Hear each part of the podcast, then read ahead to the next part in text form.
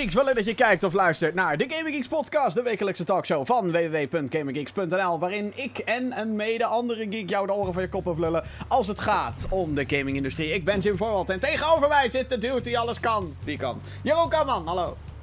Hi, Hey, it's me. Ja, eh, we zijn er weer. Eh, en dat eh, zijn we op meerdere plekken. Mocht je deze podcast voor het eerst meemaken, dan heb ik goed nieuws voor je. Want deze podcast is op weet ik hoeveel kanalen te beluisteren. Onder andere via Apple Podcast, via Spotify zijn we zelfs te beluisteren. En via Google Podcast. Oftewel, als je een podcast app hebt of een website of whatever.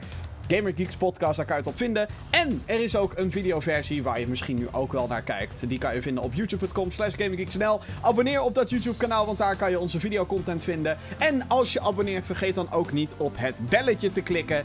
Want eh, YouTube naait ons. We merken gewoon, ook al hebben we 10.000 abonnees op dat kanaal, ehm, niemand kijkt. Oh, wacht, dat is wel heel lullig gezegd. Ehm, gewoon, eh, eh, er kunnen veel meer mensen kijken. Dus belletje, abonneren, spread the word. Je kent het allemaal wel. Jeroen, hoe gaat het met je? Ja, gaat lekker. Lekker, lekker, lekker. Druk, druk, druk. Veel werk. Maar eh, in principe, ja, alleen de dagen dat het zo extreem hitte was, dat was even wat minder. Dat was even schrikken, ja. Zeker voor ons gamers, waarin het natuurlijk gewoon dat je denkt, ik wil gewoon normaal kunnen zitten hier en ik wil geen ventilator tegen mijn kop aanhouden. En dat gewoon een beetje uithouden. Ik vind dit wel, eh, het moment van opname trouwens is zondag 29 juli 2018. En niet alleen maar is, eh, eh, gaan, gaan straks de temperaturen dalen. Maar er komen ook eindelijk meer games uit. Ik heb van de week, heb ik dus gewoon voor de gein, heb ik alle eh najaarsreleases gewoon een keertje op een rijtje gezet. Zo van, goh. dat ik gewoon alvast mijn tijd in ga delen. Met wat ga ik spelen en wanneer. En niet vergeten je geld, hè? Nou, en, mijn- en mijn money, ja. Want dat is echt eh gevaarlijk. eh, What? No money? hier! Hier, uitgever. Steek my money. Ja, ik heb, ik heb al echt weet ik hoeveel in de pre-order staan ook. Waaronder ook een Fallout 76 Special Edition van 200 fucking euro. Maar er zit een powerhelm bij, Jeroen. Ja, en hoe vaak ga je die dragen, Jim? Eén keer, minstens. Kan je nog herinneren hoe leuk die armband was? Die ik heb hem hier nog staan. Ja, op de, op de, Pip-Boy. als je nu op de videoversie kijkt, hier beneden, heb je die Pip-Boy nog. Een, mooi plekje in mijn kast heeft hij, in mijn collector's Nou ja, je ziet hoe mooi die is, zo laag staat hij. Ja, dat komt omdat hij voor. Ik vind het zeg maar zonde om hem dan. Nou goed. Ehm, ja, dat was best wel een teleurstelling, ja. Maar dit is een power helmet, Jeroen. Oké, 200 euro. ja, ik ben benieuwd hoe jij tot- die tijd gaat reageren, op het moment dat die er is. Ja, ik ook. En ik had al Spider-Man had ik al in de pre-order staan. Heb je ook de PlayStation 4 Pro gekocht? Nee. Nee, nee, nee, nee. Er is dus een Spider-Man PlayStation 4 Pro aangekondigd. Die ziet er fucking mooi uit. In het rood met het grote witte Spider-Man logo van deze specifieke Spider-Man. Want eh, dit is, de, de game staat compleet los van de films. Ehm, en dat proberen ze dus ook in dat design eh, terug te brengen. En die controller ziet er fucking dope uit. Ook eh, rood en wit. Een beetje à la dus die, eh, die nieuwe Spider-Man dus. Dat is wel echt heel erg vet. Ik heb eraan zitten twijfelen. Maar ik heb onlangs ook een nieuwe gaming monitor gekocht. En ik dacht van ja, hij is super vet. Ik stoot tegen de microfoon aan, mijn excuses. Hij is super vet. En ik wil het hebben. Maar 480 euro. Terwijl ik het niet nodig heb of zo. Het is niet alsof ik die PlayStation 4 Pro. Ik heb geen 4K TV ook. Dus dan gaat zeg maar daarvan de meerwaarde al naar beneden. Het is niet alsof de performance van Spider-Man op de PS4 Pro aanzienlijk beter is. Hebben ze al gezegd. Of althans, de framerate gaat niet omhoog. Dus. Ah, ja. Ja, en Maar- buiten dat, weet je, voor 3,99 heb je gewoon een PlayStation Pro, dus. Dat ook. Maar het is zeg maar. Ga ik nu 400 euro uitgeven daarvoor? Nee. En dan moet ik dus inderdaad ook nog eens. PlayStation 5 wordt toch aangekondigd, Ja. binnenkort. En dan moet ik dus ook nog eens een manier zien te vinden om die ene Spider-Man die ik dan bij de PlayStation 4 Pro Spider-Man Edition krijg, moet ik die ook nog eens zien te verkopen op Marktplaats of zo. Allemaal gedoe. Je kan niet alleen. Ja, want bij die PS4 Pro krijgen dus ook de game Spider-Man. Oh, je krijgt hem er wel bij? Ja, je krijgt oké. er wel bij. Maar ik heb dus al de Spider-Man Collector's Edition besteld. En die ga ik niet loslaten. Ik stoot weer tegen de Nee, microfoon aan met mijn vingers. Mijn excuses als je dat hebt gehoord. Ehm, dus dat. Hoe gaat het met jou verder? Ja, zoals ik al zei, Of druk. heb je, heb je iets op de playlist staan? Dat is iets wat we Nou, ik, heb eh, een tijdje terug heb ik eindelijk eh, de game Odyssey, Mario Odyssey uitgespeeld. Oh, kijk. Dat is een En goede. dat vond ik wel heel leuk. Ik, alleen bij het einde begreep ik niet of ik nou een secret ending had of wat dan ook. en uiteindelijk kwam ik er wel achter dat als je alle sterren haalt, dat het wel iets anders is of dat er nog iets gebeurt. Maar ik was ja, dit gaat voor mij even te ver. Mhm. Dat, eh, dat gaan we nu even niet doen. Eh, maar ik heb, nou, hoeveel had ik er? Ik denk dat ik toch op de, op de 75, 80 procent zat van alles. Qua mana ook. Zoiets. Ongeveer Ja. 75, 80 procent. Ja. Ja, ik ben dus, Dus, eh, ik ben nog steeds zeg maar verbaasd over hoe goed die game eigenlijk is. die game was echt heel vet. En als je gaat kijken van hoe, dat, hoe, die, hoe die console dat draaiende houdt. Nou, Ja, Chapeau, het het is best wel indrukwekkend, ja. Ik, eh, Ja. ik eh, heb de laatste tijd... Het is wel weer een paar weken geleden dat ik hem voor het laatst heb opgestart. Odyssey. Super Mario Odyssey dan. Binnenkort moeten we dat dus echt extra gaan benadrukken, want... Anders dan is het weer... eh, is het Assassin's Creed Odyssey die in oktober uitkomt? Of is het Super Mario Odyssey waar je het over hebt? ja, precies. precies. Maar het is een letten. fantastische game. Ik heb dus gewoon hier een script liggen voor een recensie. Een video review van Super Mario Odyssey. Dat je denkt, Jim, waarom zou je dat nog doen? Omdat dat kan, dames en heren. Eh, is het ook gewoon waard. Ja, Om precies. het even simpel te zeggen. Het is gewoon een game die het wel echt waard is om nu nog de tijd daarvoor te, voor te nemen. Ja, Als precies. ik ook... eh, hou je mond, Lorenzo, met je 999 maandjes. Zonde. Oh, Nee, ik, eh, ik, heb, ik heb veel maandjes, maar niet zoveel. Echt niet. Maar die game, het is gewoon zo mooi. Of zo, laat zo zeggen, als je geïnteresseerd bent in Mario games. Of over games op de Switch algemeen, denk ik. Want het is een game die voor heel veel verschillende partijen interessant is. Ja, Het is niet zo dat je hem alleen maar, eh, hoe moet je het noemen, gebruikt voor. eh, het, het is niet een game die alleen maar voor Mario-fans leuk is. Er zijn meer mensen die dit spel interessant kunnen vinden, juist door de hoeveelheid gameplay-mogelijkheden die erin zitten.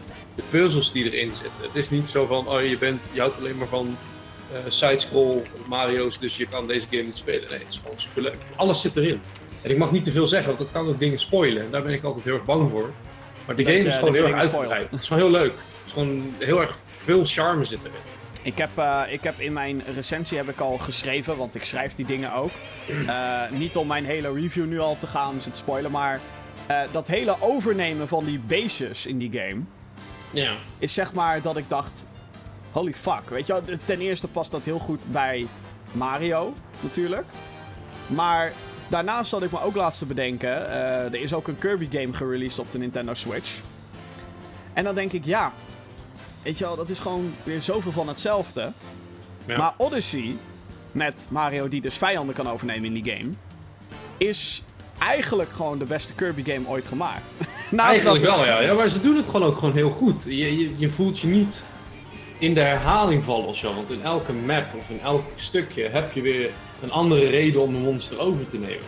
Ja, precies. En dat is gewoon super nice. Het is niet dat je continu hetzelfde trucje aan het uithalen bent. Nee, en ik vind dat ook zo knap van, van, eh, van het spel, dat het, het level design is zeg maar zo gemaakt dat er is altijd wel iets. Of een paar muntjes die je moet vinden, of een eh, geheim gangetje. Het is een van die weinige games waarbij je de camera continu rond gaat draaien om te kijken, goh, is hier iets? Is hier iets wat ik kan ja, ontdekken? precies, precies. En op een moment dan ben je wel klaar ermee. Van nu denk ik wel dat ik alles heb. En dan heb je nog steeds niet alles. Maar hè, da- Ja. dat maakt de game ook gewoon leuk. Dus als je die game nog niet gespeeld hebt en je hebt een Switch. Dan is dat inderdaad wel een, eh, een hele goeie, ja. Precies. Ehm, dus oké, jij zit helemaal into Odyssey. Ik, ehm, Ja, nee, die heb ik uitgespeeld. Die heb ik uitgespeeld. Waar ik Oh, nu uitgespeeld. echt mee bezig ben, ik heb een soort van deal met mezelf gesloten. Van, Oh jee. er zijn zoveel leuke games op komst. Speel nou eerst eens eventjes uit wat je nog open hebt staan. En dat zijn bijvoorbeeld The Witcher 3. Ben ik in soort vijfde, zit ik al tegen het einde aan, maar steeds net niet afgemaakt. Eh, de, de tweede Tomb Raider, die moet ik nog uitspelen. Oh, Rise of the Tomb Raider, so good. Ja, precies. Dus die, dat, dat- ik heb zo van, dat zijn echt drie games die het gewoon waard zijn om af te maken. En die ga ik ook gewoon eerst even afmaken, gewoon uitspelen. En er is wel één game uitgekomen voor de Switch. Wat heel erg nu een soort van jeukdingetje is van ik moet mijn pinpas trekken. Ik moet mijn identifier erbij pakken. ik moet nu die game kopen. Het is niet eens zo'n hele dure game. Het is, wat was, het is voor maar 20 euro of zo. Maar die heb ik toen op Gamescom mogen zien. En dat was de game Bomber Crew. Dus dan heb je een soort Oh, van... ja, eh, ja, nou, ja, voor de mensen die eh, f- eh, FTL kennen. Die game was op Steam en dan moest je een spaceship een beetje met mannetjes, een beetje micromanagen en dan moest je missies doen. En dat was best wel een moeilijk spel. En bij deze game schijnt het ook zo een beetje te zijn, alleen ben je dus zo'n oude Tweede Wereldoorlog bomber en dan moet je die crew er doorheen sturen, laten fixen en missies doen. En ik was altijd zo van, oké, dit is echt een game, die moet op de Switch. En toen vroeg ik ook gelijk daar, guys, komt deze game op de Switch? Ja, deze game op de Switch, maar we hebben nog geen datum. En hij kwam maar niet, en hij kwam maar niet, en hij kwam maar niet. Op een heb het opgegeven. En ik zat toevallig een keer weer te kijken van, hey, is die gamer? Toen zag ik opeens een review voorbij komen, een soort van tekstreview, of een template van hier kunnen reviews komen. En toen dacht ik, hey, komt die game? En een of andere dag uh, op Nintendo, uh, nou, of in ieder geval op een Nintendo YouTube-pagina, stond de trailer van Bumper Crew. En ik hey, hey, hey. Maar ja, ik heb zo'n, ik moet wel even, even, even een stapje terug. Hè? Niet te enthousiast, niet te hype. En dan voorzichtig die game binnenkort een keertje gaan spelen. Misschien zelfs gaan livestreamen. Dat is misschien echt wel een game om te livestreamen. Oh, zeker, mensen, ja. Mensen die kunnen mij gaan trollen. Maar wat dus het leuke is aan ook die game, is dat je uh, de game met touchscreen kan spelen. Tenminste, dat ah. beloofden ze toen de tijd. Dat de Switch een touch, touchscreen gebruikt zou worden voor de buttons en de characters en zo. Dus ik heb zo van, dat wil ik ook wel gaan uitproberen. Ik ben gewoon heel erg benieuwd. Ik denk dat die game gewoon heel erg goed voor de Switch bedoeld is. Ik heb dat met meerdere games. Dat ik zoiets heb van, nou weet je, ja, hij is op de PlayStation. Ja, het is op de PC. Maar het is die Switch met dat hele. Hey, je kan het overal mee naartoe nemen. Het is op Nintendo. Ik weet niet, op de een of andere manier spreekt mij dat heel erg aan. En ik weet niet wat dat is. Met sommige indie games. Niet dat ik daardoor per se indie games opnieuw ga spelen of zo. Maar wel dat ik zoiets heb van nou. Misschien is dit wel de moeite waard om een keertje te checken. Maar dan op de Switch. Dat het een soort overhaalmoment is. Ja, ik denk dat er gewoon heel veel games, ook zeker voor on the road, interessant zijn. Maar ook inderdaad die touch controls, als die goed worden toegevoegd. Ja, dan kan je gewoon heel veel meer, veel meer betekenen en meer doen. Ja. Ik, uh, heb, uh, ik had het er vorige week al een beetje over in de podcast, maar ik heb nog steeds een obsessie met Call of Duty. Ja, dat heb ik gezien, ja. Die staat bij mij uh, op de playlist. Um... Elke keer als ik op Discord kom, dan zie ik alleen maar Call of Duty World War II klaarstaan. Ja, en ik weet niet waar het aan ligt. Ik, ik, ik, probeer, ik probeer het een beetje te... Um... Ja, ik, ik, ik weet het gewoon niet. Kijk, ik heb een lange tijd heb ik een grafhekel gehad aan Call of Duty. En het is natuurlijk heel makkelijk om te haten op dat wat populair is. Dus in die zin is het, ja, weet je wel, is het zo oh, Call of Duty, fuck Call of Duty, bla bla bla bla. En dan, dan zijn er natuurlijk ook die, die Battlefield fanboys die dan zeggen, oh, Battlefield is veel beter, bla bla bla. Ehm, dit jaar wordt heel interessant, want dit jaar krijgen we en een nieuwe Call of Duty en Battlefield in dezelfde Vijf, week. Tweede Wereldoorlog, ja. ja. Uh, en dan Black Ops 4 aan de Call of Duty kant. Um, dus het wordt heel interessant hoe dat gaat lopen. Daar hebben we zo meteen trouwens een verhaal over. Um, Oké. Maar ja, ik zit nu dus in dat hele World War II. En ik heb gewoon al heel vaak de neiging gehad om een Season Pass te kopen. Want het probleem met. Uh, bij deze game merk ik. Denk ik, want dat is altijd een beetje een gokje. Maar volgens mij is het meer dan ooit dat ik merk hoe een community gesplit wordt. Ik had er vroeger, weet ik nog wel, dat wij dan Battlefield 3 probeerden te spelen. Jullie hadden allemaal de Season Pass. oh zo... ja, ja, ja. We hadden die premium shit en jij niet. Ik had dat niet, want ik dacht, oh, oké, ik wil ook meedoen. Ik koop alleen de base game. Maar dan is het van, ja, hey, de helft van de servers, daar kan je niet op, vriend. En bij Call of Duty... Ja, wat, wat, ik wel iets had gelezen, is dat bij Battlefield ze nu willen gaan doen... dat als jij in een squad zit waar meerdere mensen die dingen wel hebben en jij niet... dat je wel mee kan doen, maar zelf dus niet die maps kan initiëren en zo. In Battlefield 5 hebben ze niet eens een Season Pass meer. Nee, klopt. Iedereen krijgt alle maps en zo. Dus het, eh, en al die DLC van de vorige twee geven ze ook gewoon weg. Dus ik weet niet wat zijn Ja, maar dat had ik, ik had zoiets een keer gelezen dat ze dat van plan waren met de voorgaande of zo. Dat het niet oh, meer zo boeiend was of je wat had of zo. Dus ja. hey, uh, beter. Maar je weet wat ze hebben gezegd bij Battlefront 2 en wat dat voor eindstand is geweest. Ja, nou, dus. ik, ik, ik, Battlefield hoop. Maar ik, ik, heb dus heel vaak heb ik dus zoiets bij Call of Duty. Dus ik, ik, zit gewoon een beetje die game te spelen. Ik ben er super slecht in, laat ik dat voorop zetten. Want damn son, ik, kan er echt helemaal niks van. Uh, ik ben al heel blij als, ik, uh, als mijn kill-death ratio gelijk staat. Dan is dat voor mij een victory. Um, en heel vaak sta ik ook wel in de, in de top 3 van mijn team. Dus dat vind ik zeg maar ook wel prima. Tuurlijk, een team bestaat uit zes man of zo. Maar alsnog, Weet je wel, dan zijn er drie die slechter zijn dan ik in mijn team. Uh, dus dat vind ik altijd prima. Weet je wel, voor iemand die er helemaal niks van kan. Maar ehm, ja, dan, dan merk je toch dat de playerbase is minder. Er zitten veel meer van die, van die whiners zitten er. En ik heb dan het idee van, oké, ik wil die Season Pass halen. Maar dan ga je naar de store. En dan denk je, oké, een Season Pass. Weet je, allemaal nieuwe multiplayer maps. Dus daar ligt die split in de community. Van ja, je hebt, je hebt Season Pass houders. En je hebt non-Season Pass houders. Sterker nog, je kan alle DLC ook nog eens apart kopen. Dus je kan dan zeggen, ik wil alleen Season of eh, DLC Pack 3. Maar dan heb je 1 en 2 niet. Dus dan kan je bij sommige playlists kan je er ook niet in. Want dan, hè, Zitten de dingen van de 1 en 2 ja, dat is echt bullshit, is het. Ehm, maar dan ga ik dus naar die Steam Store. Ik speel op de PC trouwens. Ehm, en dan is het ook van, ja, hey, Season Pass. 50 euro. En dan denk ik ook, damn. 50, Damn, zo. 50 euro. Voor een uitbreiding op een game. Die 60 euro was ooit. Nu allemaal in de aanbieding, zeker als je naar een, eh, een, een gameboard gaat of zo. Maar dan denk ik wel, jezus, 50 euro voor extra maps. Eigenlijk betaal ik dus 50, of thans, had ik de neiging om 50 euro te betalen om erbij te horen. En toen had ik zoiets van, nou, nee, doe me niet. Over een paar maanden komt Call of Duty Black Ops 4 uit. En of ik daar dan de Season Pass van ga kopen, dat zien we dan wel weer. Maar ik vind dat altijd heftig. Ik vind het altijd heftig als ik zoiets heb van, oh shit. Maar ik vind het hele fenomeen eh, Season Pass ook gewoon heftig. Het maakt dan de games iets duurder of zo, als het echt je geld kost. Maar soms zie ik wat je ervoor krijgt voor zo'n Season Pass of voor een DLC. En dan ik zo van, nee, nee, nee, nee. Dit, dit kan je niet voor dat geld vragen. Als ik bijvoorbeeld kijk, en het is misschien een beetje een uitgemolken eh, reactie, maar The Witcher 3 is gewoon wel een van de betere games geweest. Ja, Die zeker. tijd. Ja. En die had een DLC, dat kon je bijna weer een expansion noemen, zoals we vroeger kenden. Gewoon echt bijna een, een alleenstaande game, een alleenstaand verhaal. Weer voortborduren, laten we zeggen, op wat je al kent. En, en wat ik nu heel veel, of wat ik in die periode heel veel aan DLC zag, was inderdaad map packs, skin packs, gun packs. Ja, en dat is het niet waard. Dat is twee tientjes, drie tientjes, vier tientjes niet waard. Gewoon Maar niet. dan heb je aan de andere kant heb je ook bijvoorbeeld weer een Season Pass zoals Assassin's Creed Origins. Die ook inderdaad eh, twee expansions kreeg je daarvoor. Waarvan de Mhm. een wel echt robuuster dan de ander. Maar goed, eh, beide gewoon meer gameplay en meer. Maar dat is natuurlijk ook een groot verschil tussen singleplayer DLC en een Season Pass en een multiplayer game. Of een Season Pass die alleen om de multiplayer draait. Wat Ja, in Call of. Duty altijd volgens mij het geval is geweest. Volgens mij is er nooit singleplayer content. Ja, tenzij je zombies in, in je eentje gaat spelen.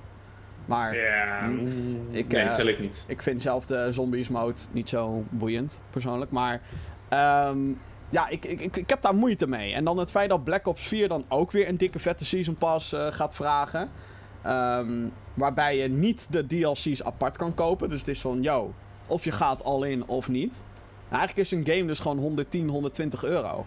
Ja, voor de volledige experience. Ja. De, de, de, game die je koopt is eigenlijk een base versie van een game. Waar niet alles op zit. En dat is bijvoorbeeld heel goed te zien toen de tijd bij Titanfall 1. Ja, dat was Daar heel ging het gewoon helemaal mis eigenlijk. Ja. En toen En deden ze bij Titanfall 2 Battlefront. deden ze geen Season Pass meer. Het was fuck lauw. En dat, Titanfall 2 is zo goed, jongens. En al- als je denkt, oh, niemand speelt meer Titanfall 2... die singleplayer campaign van Titanfall 2 is fucking gruwelijk. Die is Oh. fucking worth it gewoon. Ja. Echt waar. Ik hoop echt... Het is hoop- zo jammer dat hij zo kort was. Ja, nou ja, weet je, ik heb liever een korte singleplayer die echt heel erg fucking lauw is. Oké, tuurlijk, tuurlijk. Maar hey, diep in je hart dat je hem nog wel langer wilt op diezelfde kwaliteit. Ja, tuurlijk. Ja, en ik had ook eigenlijk liever gewild dat die game gewoon meer leven had. Want Titanfall 2 was fucking Ja, maar awesome. ze waren toen zo dom dat ze hem in die tijdsbestemming tussen, wat was het, Battlefield 1 en de nieuwe Call of Duty gooiden. Ja, ja, dat was zo dom. What the fuck? Dan, ben je, dan, dan wil je toch dat zo'n studio doodgaat? Ja. Dan wil je toch dat ze niet, niet succesvol zijn als EA zijn? Dan ben je toch... Die mensen zijn toch opgeleid om te weten wat Zijn ze moeten doen en business, niet. En Business, dat, dat moet je weten inderdaad. Ja. ja, maar als, als de leken, even, wij zijn de leken, eerder doorhebben van... Jongens, dit, dit is niet goed. Dit gaat je game echt kapot maken. Ja. En ze hebben het zelf niet door. Ik, ik, denk, ik denk dat EA het... ik- weet je, ik denk dat... ehm, die developer heeft het sowieso doorgehad. Die dacht, kut.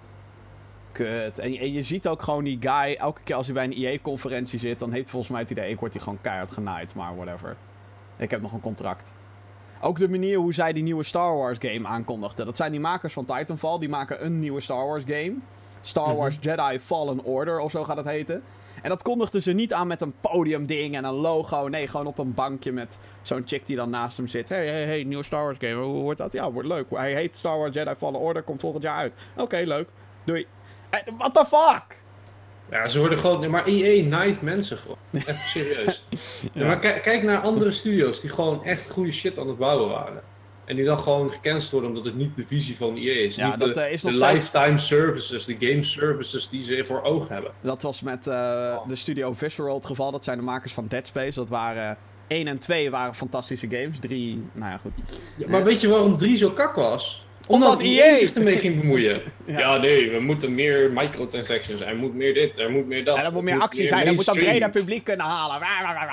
Oh man, echt gewoon zo zonde. Echt zo zonde. Echt waar. Dat ik denk van E- EA. En dan Oh. nu die Command Conquer mobile game. Nou, ik word nu weer Ja, en, en dat ze dan nog het lef hebben om te zeggen dat De dit fans- is wat de bedoeling De is. fans, Gewoon weet- dit- de, fans Oh. weten niet wat ze willen, is hun antwoord daarop. Ja, nee, zo de Ah, mythe op. Dit is gewoon, het, het is op zich, als ik het mag geloven, ik heb het zelf nog niet gespeeld, maar mensen die heel kritisch naar kijken, zeggen de game zelf in principe is best oké. maar ga het dan niet de naam Comment Conquer geven. Je moet geen. Je dat moet is geen niet wat de fans van Comment Conquer willen. Exact, je moet niet een geliefde franchise tien jaar nadat, het, nadat je het zelf hebt gekild, by the Een way. mobile game maken. Maar dan ook gewoon echt met, met de slechtste. Nou ja, goed, whatever. Ja, echt hè. Ehm, Oh.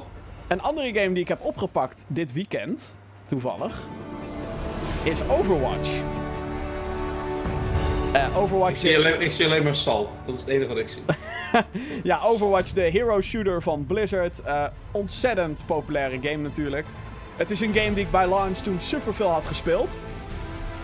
Ehm, maar ja, op den duur wordt, die, wordt inderdaad die salt te groot. Je bent of supergoed in dat spel of je bent het niet. Nou goed, ik ben sowieso niet goed in heel veel spellen. Nou ja, wij waren gewoon de middenmoot. We waren wel gewoon oké en soms waren we beter. Alleen dan werden we samengebracht met mensen die gewoon zo achterlijk waren als het achterend van een ezel. Dan werd je gewoon boos. Dan werd je Ja. gewoon echt boos. Het was zo unfair. De hitboxes waren zo unfair. En Hanzo die een pijl schoot, waardoor je al schoot er nog drie meter naar je hoofd, dan was het gewoon een headshot. Dan denk ik van, oeh. Ja, ik werd dus door een, eh, een vast lid van onze community. Ben ik dus dit weekend aangespoord om weer een keertje te spelen. En dat heeft wel een reden, want er zit een nieuw character in. En dat character is een hamster In een bal. in een mech die inderdaad een bal kan worden. Waardoor je dus, ehm, die heet Wrecking Ball by the way. Start Miley Cyrus maar in, dames en heren. Eh, en die kan dus inderdaad met een grappling hook kan die zich aan een, een, een muur of een paal, whatever, kan die zich vastmaken. En dan kan je dus ronddraaien met een soort damage en knockback effect. Die is best Ja, het is- awesome. Het, is, het, het is, ziet er ook best wel vet uit. Alleen Het is best wel de cool. game zelf, ja, ik... hmm, Nou, eh. ik heb het dus al een hele tijd niet gespeeld. En dan merk je eigenlijk dat ze best wel veel dingen hebben veranderd. Aan bepaalde characters, aan, eh, aan de balans her en der. Ik ben er nog steeds heel slecht in. Dus soms zat ik nog echt te schelden dat ik denk, fuck dit. Ik ben ook gerage quit. Dat is altijd bij mij als ik Overwatch ga spelen. Dan heb ik het eerste paar potjes heb ik het naar mijn zin. Maar daarna moet ik gewoon stoppen voordat ik gewoon super boos word. Ehm, dan is het eigenlijk al te laat op het moment dat ik zeg... Ik moet nu echt stoppen, mama. Maar het is toch wel Overwatch.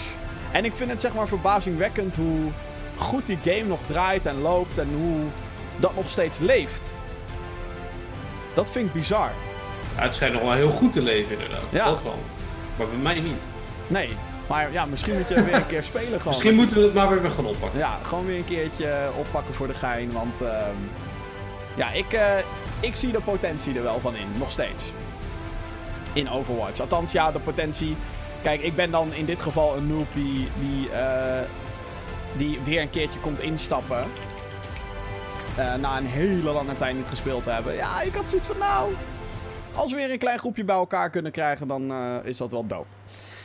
Oké, zometeen in de show gaan we het hebben over onder andere Shadow of the Tomb Raider. Die is goud gegaan. En analisten die zijn eruit wat de populairste game van 2018 gaan worden. En we gaan de Gamer Geeks mailbox weer openen. Dus heb je vragen voor de show uh, en je kijkt nu live mee tijdens de opnames. Uh, mail naar podcast.gaminggeeks.nl En ook als je achteraf luistert of kijkt en je hebt een vraag voor de show van aankomende week. Uh, mail naar podcast.gamergeeks.nl Gaan we eerst naar het gesprek van de dag. En het gesprek van de dag is een interessante. Het is eigenlijk ook meteen een nieuwtje, dus het komt goed uit.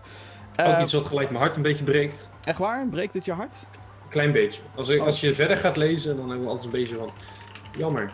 Oh. Ik zou het jammer vinden. Oeh, oeh, oké. Okay. Ja, standpunten ja. zijn gemaakt. Er gaan namelijk geruchten rond dat Microsoft voor de volgende generatie consoles twee versies van de Xbox gaat uitbrengen de nieuwe Xbox. Uh, de, uh, dat zouden dan twee uitvoeringen zijn. Een duurdere en een goedkopere. De duurdere uitvoering zou dan gewoon een console zijn zoals wij hem nu kennen. Alle hardware zit erin. Uh, die zou natuurlijk sterker worden dan de Xbox One X. 4K, bla bla bla bla bla. Wat er dan allemaal in gaat zitten. We hebben geen idee. Um, maar hoe zit dat dan met de goedkopere variant? Is dat dan gewoon zwakker? Nee. Um, de goedkopere zwakker variant. Zwakker is een understatement. Inderdaad. Um, de goedkopere variant is namelijk. Uh, het hele project heeft de codenaam Scarlet nu. Xbox Scarlet. En dat zou draaien op het Scarlet Cloud platform. Waarbij dus in principe de goedkopere variant is dan een cloud boxje. En dat zou dus betekenen dat de Xbox dan in dat geval vergelijkbaar is met de, de Nederlandse dienst Utomic of PlayStation Now, waarbij je dus alle games streamt naar een boxje dus op het moment dat jij een commando invoert, wordt dat teruggestuurd naar een server. Oh ja, oké, ik moet nu op A drukken. En dat zie jij dan weer terug door middel van streaming. Oftewel Netflix voor games. Xbox heeft de afgelopen jaren al flink ingezet op verschillende abonnementsdiensten. Xbox Live Gold kennen we natuurlijk al heel lang. Uh, en Xbox Game Pass zijn ze de laatste twee jaar heel erg aan het pushen. Dat is een dienst waarbij je 10 euro per maand moet neerleggen. En dan kan je 100 plus games spelen zolang je geabonneerd bent. Um, en bij die Xbox Game Pass zitten dus ook alle nieuwe exclusieve releases van Microsoft. Dus State of Decay, Sea of Thieves, de volgende Halo, Gears of War. Zit allemaal inbegrepen bij Xbox Game Pass. Ubisoft, uh, de uitgever, de CEO daarvan, Yves Goulimont, die zei tijdens de E3 al, een paar maanden terug, dat de volgende generatie consoles de laatste zal zijn waar we fysiek of digitaal games voor kunnen kopen. En, en, dat, het... en dat breekt gewoon een beetje een hartje. Gewoon, ja. dat soort uitspraken. Ik zo, oh man, Don't, don't say that thing, man. Don't. En EA, die gaat ook inzetten op een Origins streaming dienst. Hebben ze ook tijdens de E3 laten zien. Of technisch gezien EA Play, het evenement vlak voor E3 van EA zelf.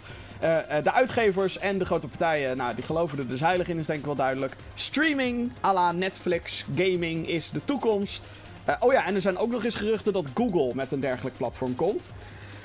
Maar ja, uh, willen we het wel? Willen we het niet? Zijn we het ermee eens? Of willen we het gewoon lekker bij het ouderwetse houden? Ik wil een disc kopen of een game via de PlayStation Store of Xbox Store, whatever, binnenhalen.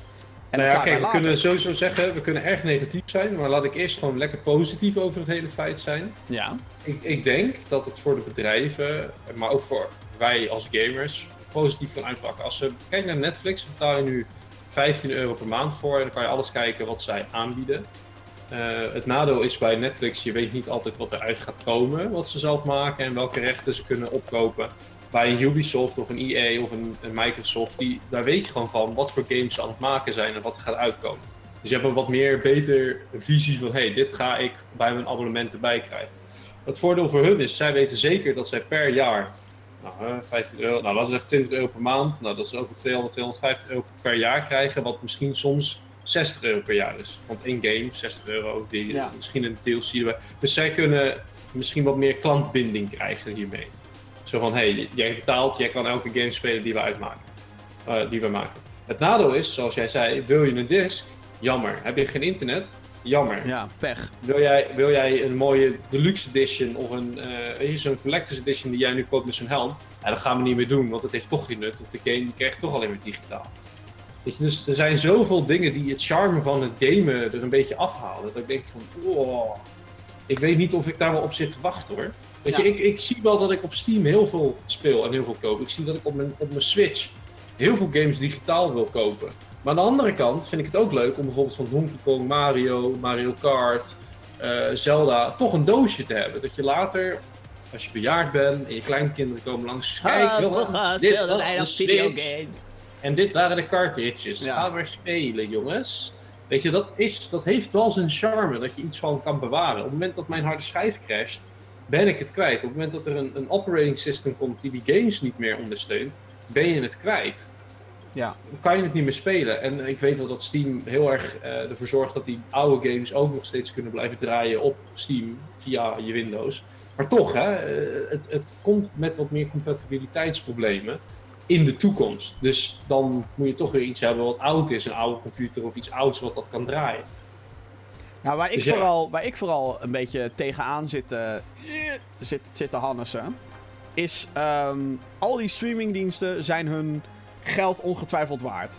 En Netflix... Ja, maar je hebt er zoveel. Exact. Dus als straks elke fucking uitgever en elke fucking consolemaker komt met... Hey, wil jij überhaupt games kunnen spelen? Want dat is een 10 beetje... euro per maand. Ja, Ja, precies. 10 of 20, 15 euro per En maand. dan, ben je, en dan ben je nog steeds eh, uiteindelijk 100 per maand kwijt. ja, en, maar, dan, maar dan krijg je ook nog eens bullshit net. Hoe zit dat dan met PlayStation Plus of Xbox Live Games with Gold? Moet je dat Hoe zit het überhaupt met DLC? Krijg je die er ook gratis bij? Of Exact, moet dat, eh, ja. extra cent, een paar centjes erbij tikken? Ja, En, ja, ja. en je krijgt dan natuurlijk een grote oorlog. Want als EA zoiets heeft van... hey, wij starten onze eigen shit... moet je dan naast Xbox streaming shit... moet je dan ook nog eens een extra... eh, extra abonnement erbij halen om de EA-games binnen te kunnen halen. En wat jij inderdaad zegt, eh, dat hele gedoe met dat harde schijven en fysiek. Kijk, zodra je via streaming inderdaad alles gaat doen, betekent dat de macht volledig, Bij de volledig bij de partij ligt. Dus Als zij hebben van je mag het niet meer, dan kunnen ze het gewoon verwijderen. En Exact. dan. heel veel mensen klagen nu al op Netflix. Van ja, en ik was midden in. Ik noem even een random serie. Ik was midden in Lost. En in augustus gaat dat eruit. Ik weet niet of dat zo is, by the way. Ik, is even een voorbeeld. Ja, dat is kut. Dat is kut voor je. Kut leven. Kut Moet je leven. nagaan als je een fucking game aan het spelen bent.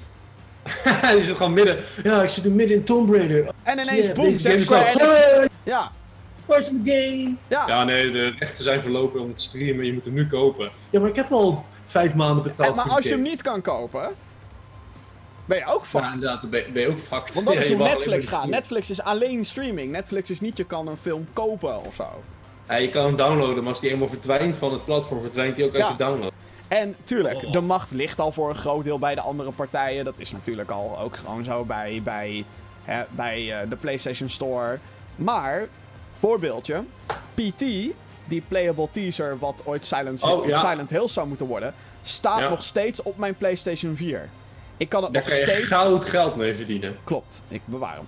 Ehm, ik kan hem nog steeds spelen. De- het is niet meer te downloaden op de PlayStation Store. Zodra ik het delete, ben ik het kwijt. Maar ik heb hem wel. En ik kan het nog spelen.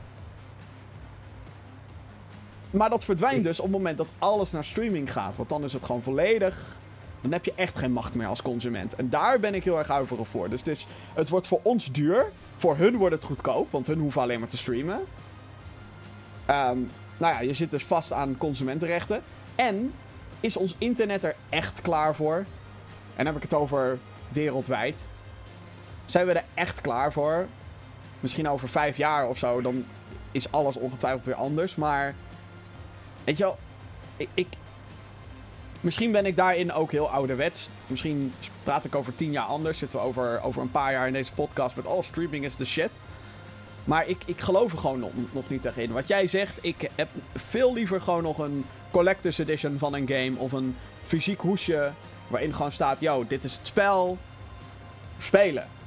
Ja, precies. Nou, maar wat het ook is, is op het moment dat jij gaat streamen, zal je nooit de complete, ja, laat maar zeggen, graphical fidelity kunnen krijgen als een game die op je computer draait. Dat ook, ja. Want- ja. Je hebt er gewoon een bitrate waar je mee moet doen. Ik heb het ooit een keer getest tussen een laptop Steam naar mijn computer Steam. En ik zag gewoon dat The Witcher, het was wel mooi, het was 60 fps, maar toch was het wat vager, wat blurrier dan de game op mijn PC. Er- waren toch wel wat concessies. En dan denk ik van ja, dat moeten ze dan toch wel eerst gaan aanpakken, zodat iedereen die dat wil, dat je niet, laten we zeggen, verplicht glasvezel van eh, 1000 mbit up en down moet hebben om die game te kunnen draaien. In de Ja. kwaliteit die je wil. Ja, weet je, dat wordt ook nog wel een uitdaging. Ja, het wordt. Het wordt eh, kijk, weet je, props naar, naar. Als dit waar is. Is allemaal nog. Dit moet je allemaal met een grote korrel zout nemen. Maar het lijkt er wel een beetje op dat we zo'n kant op gaan. Props dat ze dan nog wel nu nog twee versies uit gaan brengen. Want ze weten natuurlijk hoe dat ging met Xbox eh, One.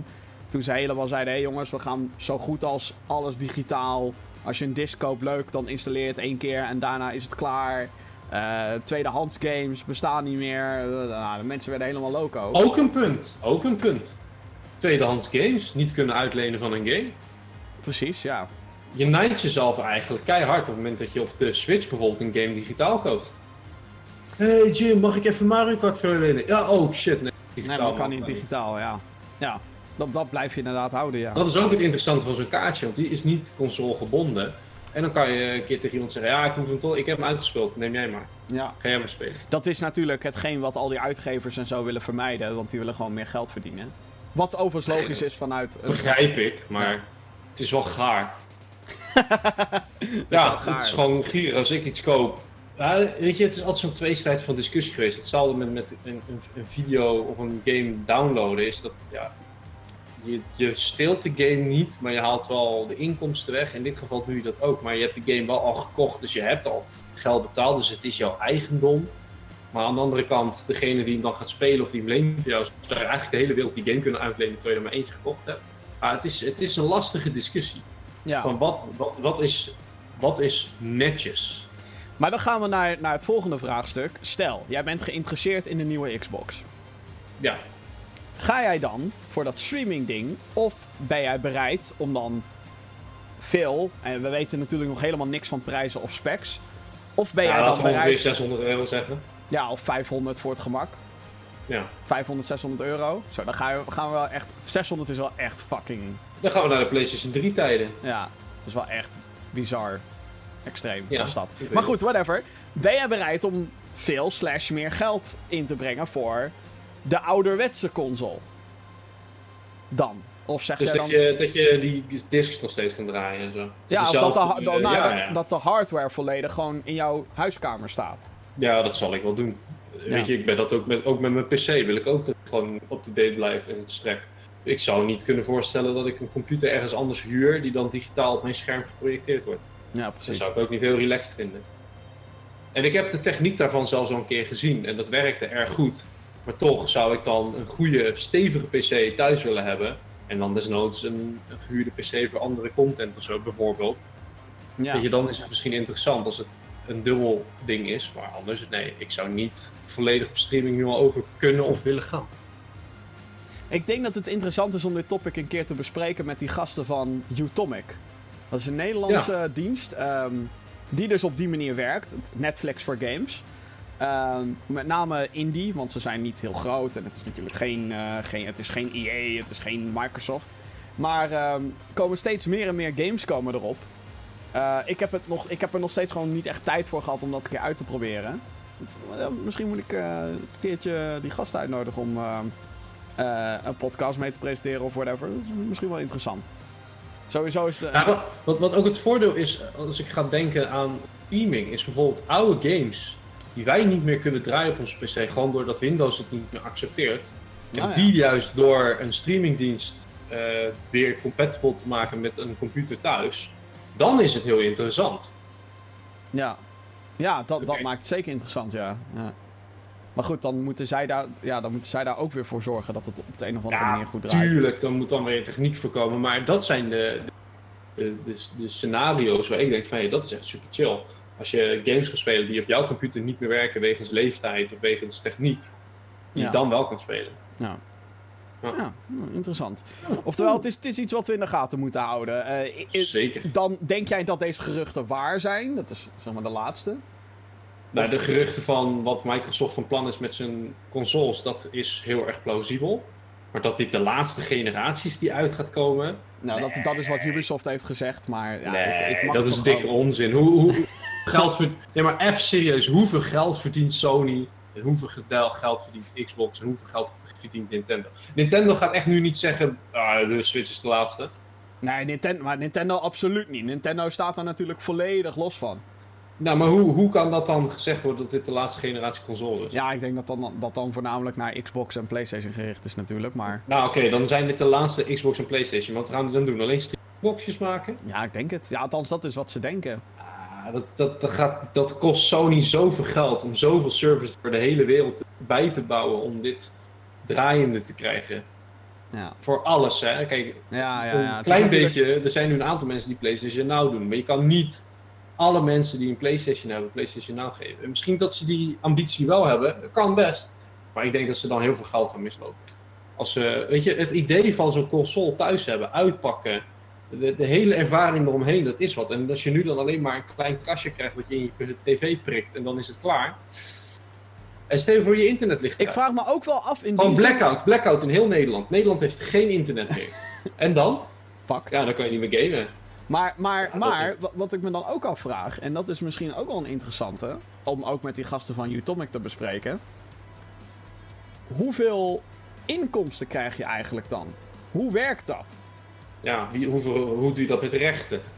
Hoe doe je dat met rechten? Hoe doe je dat met kostenverdeling? Dat is natuurlijk ook altijd volgens mij een puzzel met PlayStation Plus en de, eh, of de gratis games die je krijgt bij PlayStation Plus en de gratis games die je krijgt bij Xbox Live Games of Gold. Hoe zit dat? Weet je wel? Dat, en dat is volgens mij ook ehm, nu per geval is dat anders. En het is natuurlijk ook weer anders of Sony zelf een game heeft gepubliceerd of niet. En dat ze dat dan op die dienst pleuren. Ja, ik, eh, ik vind het een eh, lastige. En een onderwerp dus om in de gaten te houden. De volgende Xbox dus. Gaan we naar het nieuws van de afgelopen week. Eh, en er is nogal wat ge- gebeurd. Een No Man's Sky is bijvoorbeeld opnieuw uitgebracht. Op de Xbox is die game nu. Ehm, en eh, het heet No Man's Sky Next. De grootste toevoeging is dat er nu daadwerkelijk multiplayer in zit. Dus je kan nu echt met z'n vieren, geloof ik, kan je gaan grinden, craften, basissen bouwen, voertuigen bouwen, je schip upgraden, et cetera, et cetera. Twee jaar geleden kwam No Man's Sky uit. Dat was eh, toen een game die zoveel beloftes had gemaakt, maar ze helemaal niet kon waarmaken. Dat was echt eh, schandalig eigenlijk. Eh, nog steeds. Ik bedoel, ne- hashtag never forget. ja, en als je, als je daar nu naar gaat kijken, dan zie je dus wel fout heel erg bij een deadline lag. Ze werden gepusht om hem uit te brengen zonder dat ze klaar ervoor waren. Ja. Denk ik. En nu twee jaar later lijkt die game eindelijk een beetje te zijn wat het is. Maar de launch van No Man's Sky Next eh, is niet zonder problemen. Bij sommigen worden namelijk de save-files corrupt en kunnen ze niet meer gebruikt worden. Dus heb je al honderden uren in No Man's Sky zitten, kijk dan even uit en check even of, je, eh, of er de laatste patch is waar dit hopelijk in eh, gefixt is. Ik weet niet of die al is uitgebracht, die patch. Of maak even een backup van je save file. Exact, ja. Want het kan dus zomaar zijn dat je je save-files helemaal kwijtraakt. En dat is best wel kut als dat met je gebeurt. Ouch. Ja. Ouch. Overigens zijn de reacties op No Man's Sky Next zijn een beetje gemixt van wat ik her en der heb gelezen. Ik heb wat Hey, recensies... van negatief naar gemixt is toch wel. eh? Nou ja, dat is eh, in ieder geval beter dan iedereen die het afzeikt. Precies. Ehm, maar ja, van wat ik lees is dat het, het is nog wel steeds dezelfde gameplay. Dus het is nog steeds met een pistooltje naar allerlei rotsen, resources verzamelen en daar dan hopelijk een upgrade van maken. Ik heb wel gehoord dat ze wat meer hebben gedaan met de, ehm, hoe noem je dat? Met, met de verhaallijnen en zo die erin zitten. Dus dat is best wel cool. Maar het is natuurlijk niet de, het is geen Star Citizen, laat ik het zo zeggen. Ja, en dat duurt ook wel veel te lang, die game. Maar Ja. dat is een ander verhaal. Ja, dat is ook weer Maar eh, wat bij No Man's Sky, wat ik gewoon wel gekocht heb om te spelen, die zeggen gewoon, ja, het is nog steeds de No Man's Sky het is, maar door die multiplayer is het gewoon gezellig met z'n allen. Ik weet niet hoeveel mensen kan, een base builden, een beetje, een beetje Minecraft in space. En het, Space en, het, is, het schijnt wat minder buggy te zijn. Of wat? Het Ja. schijnt minder buggy te zijn dan. Maar ik denk dat het nu gewoon wat meer charme heeft dan dat het in het begin had. Ja. Dat gezegd te hebben, ik denk niet dat ik nog de moeite ga doen om, eh, om hem nog eh, te spelen. Nou, zoals je net zo heel mooi zei, hashtag never forget. Ja, never forget. Gewoon- En je hebt maar één keer een eerste indruk en die hebben ze best wel flink Ja, wie, wie bij Nintendo had daar een mooie uitspraak over? Eh, volgens mij was dat Satoru Iwata. Nee, Miyamoto. Nee, Maar- Miyamoto, die zei Ja. ook iets van, je kan een game je rushen, heeft iets in die zin. Ja, Ik weet niet, eh, eh, eh, ik weet niet eh, precies wat het een- was. Een, een rushed game is daar en, en kan het voor altijd verpesten. Eh, en dan iets van eh, een delayed game, als het er eenmaal is. Eh, a delayed game is eventually good, a bad game is bad forever. Ja. exact. Nou, dat is eh, in mijn ogen nog steeds No Man's Sky. Iedereen ja, het is wel waar gewoon. De Redemption Story, bla bla bla bla. Maar dan denk ik, het heeft wel twee jaar geduurd, jongens. Ja, En je precies. hebt twee jaar geleden hadden we 60 euro uitgegeven voor deze shit. Nou, Oké, Valve die omzeilt de Nederlandse wet. Misschien heb je dit al een beetje meegekregen dat eh, Nederland heeft ingegrepen bij, ehm, eh, hoe heet het? bij eh, Steam. En lootboxes, dat was een beetje de controverse. Dankjewel Star Wars Battlefront 2. Ehm, het was namelijk zo dat daar de lootboxes van Counter-Strike Global Offensive en Dota 2, dus die boxen die je dan kan openen voor echt geld, die werden verboden hier. Of althans, die heeft Valve uitgezet. Onder druk van de Nederlandse kansspelautoriteit. Eh, ze hebben dat nu dus een beetje omzeild. Door, in het geval van Dota 2 geldt dit alleen, van tevoren te laten zien wat er in je lootbox zit. Als je die wil openen of kopen of whatever. Dit is sneaky, want je weet natuurlijk niet wat er in de lootbox daarna gaat zitten.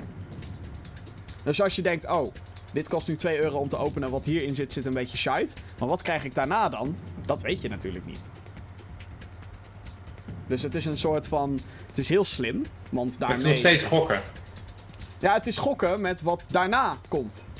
Ja, Zeg dus, maar, maar dus- dan is toch in principe, als ik de Nederlandse kansspelautoriteit mag zijn, nog steeds niks veranderd.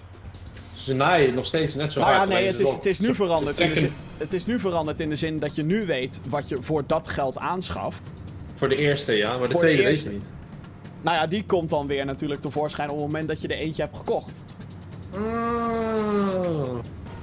Ja, Ja. Dus het is en dan zeg heb je wat meer keuze van doe ik het wel, doe ik het niet. Ja, Ja, het, is zeg maar alsof iemand bij eh, een speelgoedwinkel, bestaan die nog? Jawel. Eh, zeg maar met een pakje Pokémon kaarten komt. En daar zie je je- zeg maar een Squirtle, een Weedle en een Energy card. En dat is dan, ja, dit kost 2 euro. En dat je dan zegt, oké, maar wat zit er in het... Ah nee, dat, dat weet ik nog niet. Oké, hier, het, eh, hier 2 euro, geef mij die drie kaarten. Oké. In Deze zit een glimmende Charizard, een eh, Blastoise en een weet ik veel, zeg maar wat. En een Professor Oak kaart. Oké, hier 2 euro. Oké, en in deze drie, dus zo is het een beetje. Nou ja, precies. Ja, ik begrijp het. Is sneaky, dat wel. Het is sneaky, het is slim. Ja, het is heel slim. Dat ze op die manier die, eh die kansspelautoriteit erin kunnen trappen, laten trappen, ja, dat is hartstikke mooi. Het is eigenlijk ook wel beter of zo. Ergens. Nou ja, weet je, die organisaties moeten gewoon goed afspraken maken wat er wel wat er niet mag. Weet je, het, het- er zijn gewoon games waar het echt de boel verneukt. En eigenlijk moet het gewoon. het- en dat moet ook globaler. Want Nederland en Ja. België is het nu alleen maar die echt gas erop geven. Het moet gewoon wereldwijd moet het gewoon geregeld Ja, ga er een keertje mee naar Brussel, jongens. Misschien is dat Ja, een idee. Kijk gewoon heel simpel hoe, hoe eh, Shadow of War verpest is door het hele feit van lootboxen. Ja, nou, ik, ik heb hem nu dus. Of althans, in de Summer Sale heb ik hem gehaald. Want nu is die, al die shit eruit gesloopt. En gerebalanced. Ja, gelukkig, want dat maakt ook de, het verzamelen van eh, De orks. speciale orks interessanter. Dan krijg je meer verbindenis. Nu, als eerst was het gewoon, ja, ik koop en ze gaan dood. Ja, jammer, dan koop ik nieuwe. Ja, of eh, als je dan een bepaalde ding wil ha- wilde halen, ja, eh, weet je, je hebt hele sterke orks nodig. Je kan of Kopen. urenlang, urenlang grinden, of je kan ja, dat doen. Ja. Analistenbureau Piper Jeffrey, eh, die heeft voorspeld wat misschien wel de populairste games van 2018 gaan worden. Het is natuurlijk allemaal op basis van marketing en interesse en doelgroep, et cetera, et cetera, et cetera. Eh, zij denken dat Call of Duty Black Ops 4 de populairste game gaat worden eh, van 2018 met 21,5 miljoen verkochte exemplaren. Dit geldt tot eind 2018.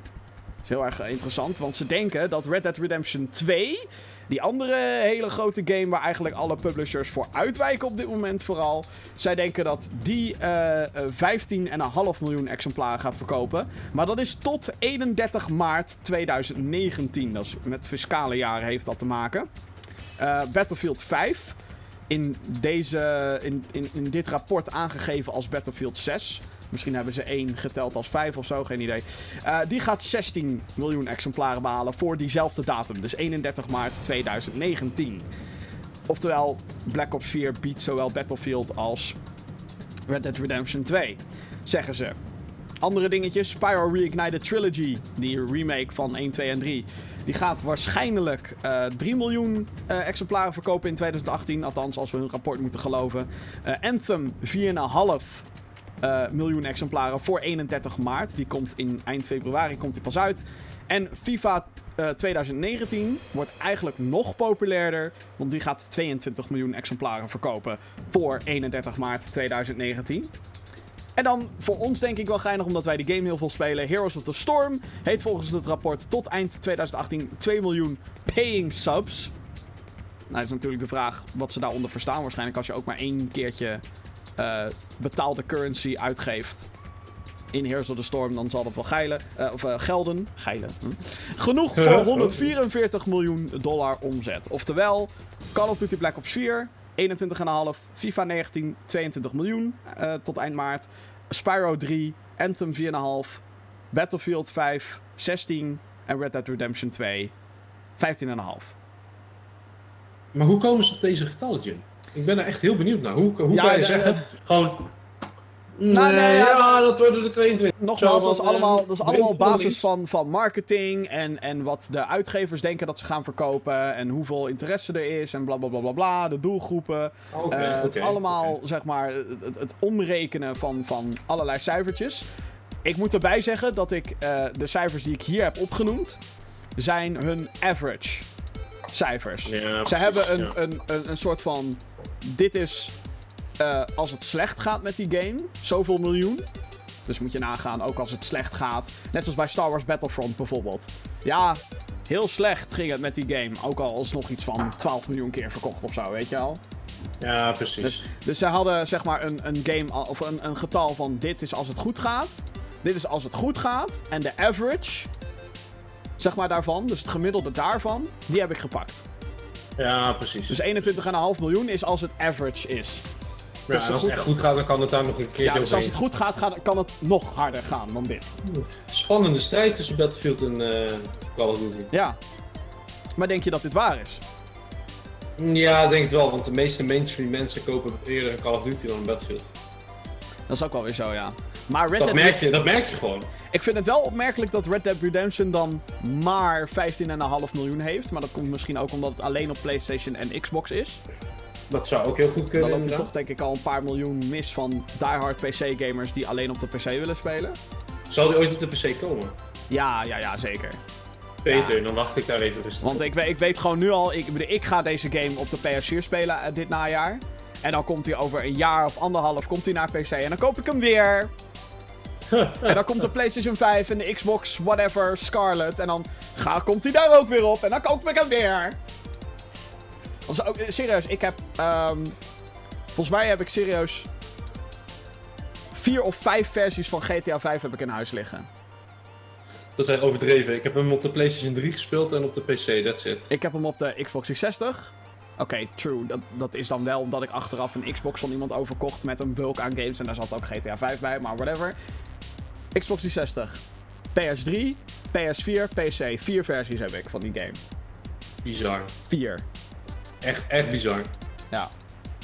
Maar hey, Skyrim, kijk daar eens naar hoeveel ja. daar verschillende versies van zijn. Dat is ook wel grappig. Todd Howard, de, de, de director achter uh, Bethesda Game Studios, de makers van Skyrim, die zei op een gegeven moment ook van ja, in, in zo'n interview, ja weet je, uh, jullie blijven het kopen, dus wij blijven het uitbrengen.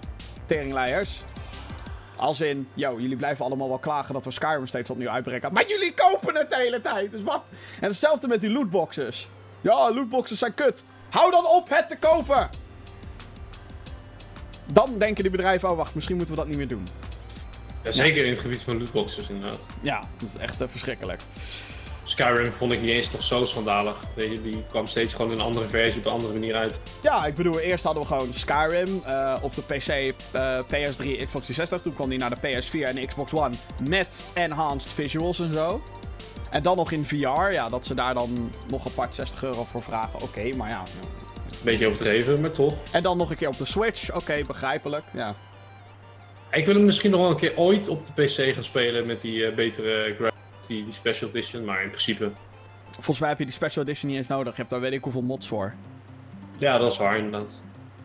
Ik heb namelijk ook alleen de normale. En dan zie ik elke keer die Legendary Edition in de sale. En dan denk ik, ja. Ja, het enige voordeel met die Legendary of met die, wat was het nou? Niet Special Edition, wel Special Edition? Nou, in ieder geval dat de, de Of DLC daar wel allemaal bij zit. Hmm. Weet je, dat die compleet is, nou zijn Ah, ja, ja, ja, ja, ja, ja, ja. Ja, Die heb ik ook niet. Dat is ook een beetje kut. En dan vaak is die DLC in zo'n Steam sale nog duurder dan de game. Yep. Ja. Eh, wat leuker, positiever nieuws. Eh, Shadow of the Tomb Raider is goud gegaan, dames en heren. En als je denkt, wat betekent dat? Eh, dat betekent dat de game naar de drukker gaat. Dus dat hij in principe af is. Maar goed, er komt natuurlijk een day one patch. Day one patch. Dat Ja, is tegenwoordig niet meer weg te denken. Nee, we leven nu in een, in, een, in een wereld waarin een game eigenlijk nooit af is wanneer die zogenaamd af is.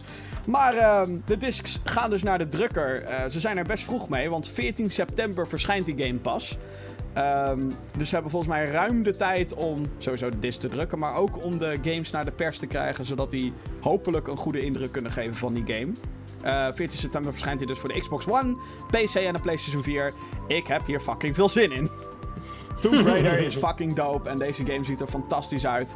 Ja, Ehm, ik moet die vorige nog uitspelen. Het spijt me. Die moet Rise of Tomb. Raider, ja, die is echt goed ook. Ik heb deel 1 had ik echt heel snel uitgespeeld en deel 2 eh, nog niet zo snel. Ja, ik, eh, ik ben wel heel benieuwd hoe deze game het gaat doen qua, nogmaals, die verkoopcijfers. Ehm, daar stond overigens niks in in het eh, rapport wat ik eh, eerder aan kaarten. Ehm, ik, ik zou het heel zonde vinden. Maar het is ook weer zo'n ding dat ik denk... Ah, kut, waarom brengen jullie dit in september uit? 7 september komt namelijk Spider-Man. Dus nou, de PS4 mensen ben je denk ik al kwijt dan. Ehm, dan 21 komt Spyro. Nou oké, dat is waarschijnlijk een best kleine groep die daarin geïnteresseerd is. Ja, een beetje de oldschool ver- gamers van die game, laten we zeggen. Maar ja, de, goed. de mensen die de oude hebben gespeeld. Weet je het is toch weer 40 euro die eventueel ook naar Tomb Raider had kunnen gaan. Want Spyro wordt 40 euro, niet 60. Oh, Ehm, nice. En ehm, dan 29 komt FIFA alweer, 29 september. Weet je wel, en, en er is maar zoveel geld wat mensen kunnen uitgeven aan videogames. En ik ben bang dat Tomb Raider daar echt, of Shadow of the Tomb Raider in dit geval, daar een groot slachtoffer van gaat worden. Van, eh, Die er tussenin gaat vallen weer. ja, dat hij er tussenin gaat vallen en dan mensen zoiets hebben van, nou, ik wacht wel totdat hij in de aanbieding komt, weet je wel. En dat zou ik echt eh, best wel kut vinden, want eh, deze game ziet er fantastisch uit. En Tomb Raider is zo dope.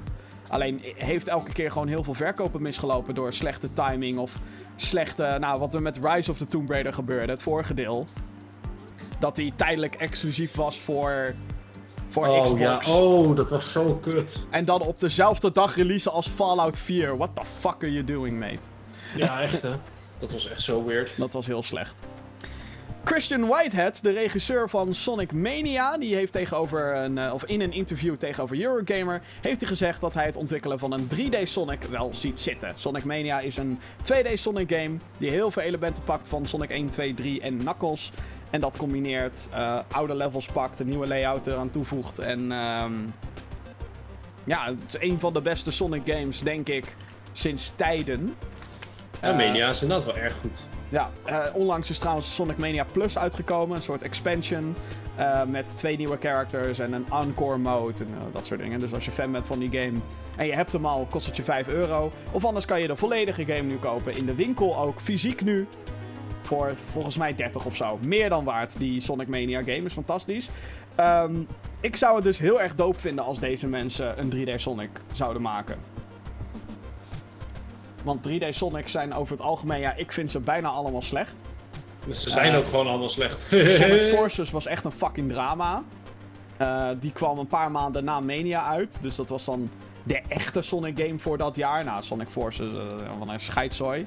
Ehm, niet de volledige game gespeeld trouwens. Ik heb hem op Gamescom toen gespeeld. En toen had ik al zoiets van, dit is shit. Toen kwamen de, de recensies. Toen dacht ik, oh ja, hey, mensen vinden het shit. No shit. Ik ben niet de enige die het shit vindt, no Nee. shit. Het was echt eh, pure, pure scheisse. Eh, dus ja, ik zou het wel cool vinden als hun een 3D Sonic zouden maken. Dan wordt het echt, misschien echt een goeie. En echt iets vernieuwends. En echt dat je zegt, oh fuck, dit hadden we nodig. Het zal tijd worden, inderdaad. Maar goed, of dat gaat gebeuren, we weten het niet. Dit jaar is er volgens mij nog geen andere Sonic... Ja, er is wel die Sonic Racing game. Die komt eind dit jaar nog wel. Ik weet alleen niet meer hoe die heet. Maar, is wel geinig. Dat geeft alweer genoeg aan wat de game inhoudt. Ja. De Xbox Live Games with Gold voor augustus zijn bekendgemaakt. Dus als je een Xbox Live Games with Gold abonnement hebt die je nodig hebt om op de Xbox One online te kunnen gamen, dan uh, krijg je weer een aantal nieuwe games deze maand. Um, Forza Horizon 2 voor de Xbox One uh, krijg je gratis van 1 tot en met 31 augustus. Dus download die, die handel. Forza Horizon 4 komt trouwens dit jaar uit op, uh, in oktober. For Honor is nu gratis, of nu nog niet. Komt, wordt gratis voor de Xbox One. Tussen 16 augustus en 15 september kan je die downloaden. Dead Space 3 kan je downloaden op zowel de Xbox 360 als de Xbox One. Backwards compatibility. En het kan nog van 1 augustus tot en met 15 augustus. Dus daar heb je twee weken de tijd voor. En als laatste Epic Mickey 2 voor de Xbox 360 en de Xbox One. Dus ook backwards compatible. 16 tot en met 31 augustus kan jij die downloaden. Dus dat is uh, meer dan voldoende. Ben jij een beetje into dat hele... Jij hebt helemaal geen PlayStation of Xbox, hè? Dus jij hebt helemaal geen abonnementsdienst of zo. Nee, nee ik heb een uh, PlayStation 3. Ja. ja. Ik heb wel nog steeds, op het moment dat Final Fantasy 7 PlayStation 4 exclusive wordt aangekondigd, dan zit hij in mijn huis. Ik denk, ik, dan, ik, ga ik, dan is hij binnen. Serieus, ik denk dat Final Fantasy 7 Remake misschien nog wel een PS5-titel wordt, want dat duurt nu gewoon zo lang. Dan wordt het een PlayStation 5. Nou, overigens. Als ze uh, zeggen hij komt op de PC, dan is het een ander verhaal, dan doe ik het niet. Ja. Maar... Overigens is de, uh, de PlayStation Plus games, gratis games, die worden op 1 augustus bekendgemaakt. Dus uh, op het moment van de opname, de 29e van juli, weet ik dat dus nog niet.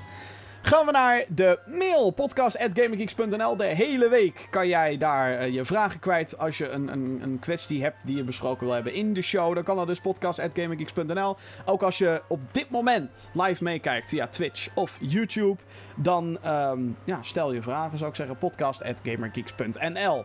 Allereerst een vraag van onze vaste luisteraar Jeroen uh, de Helmenader. Die zegt: Yo, mensen. Het is vandaag tijd voor weer een podcastvraagje. En ik heb geen zin om in te spreken. Dus daar heb ik iets op gevonden. Typen. No shit. In een mailtje. Herleef jij wel eens gameervaringen? Of denk je aan toekomstige gameervaringen? Dan zeg ik nog maar één ding en dat is later.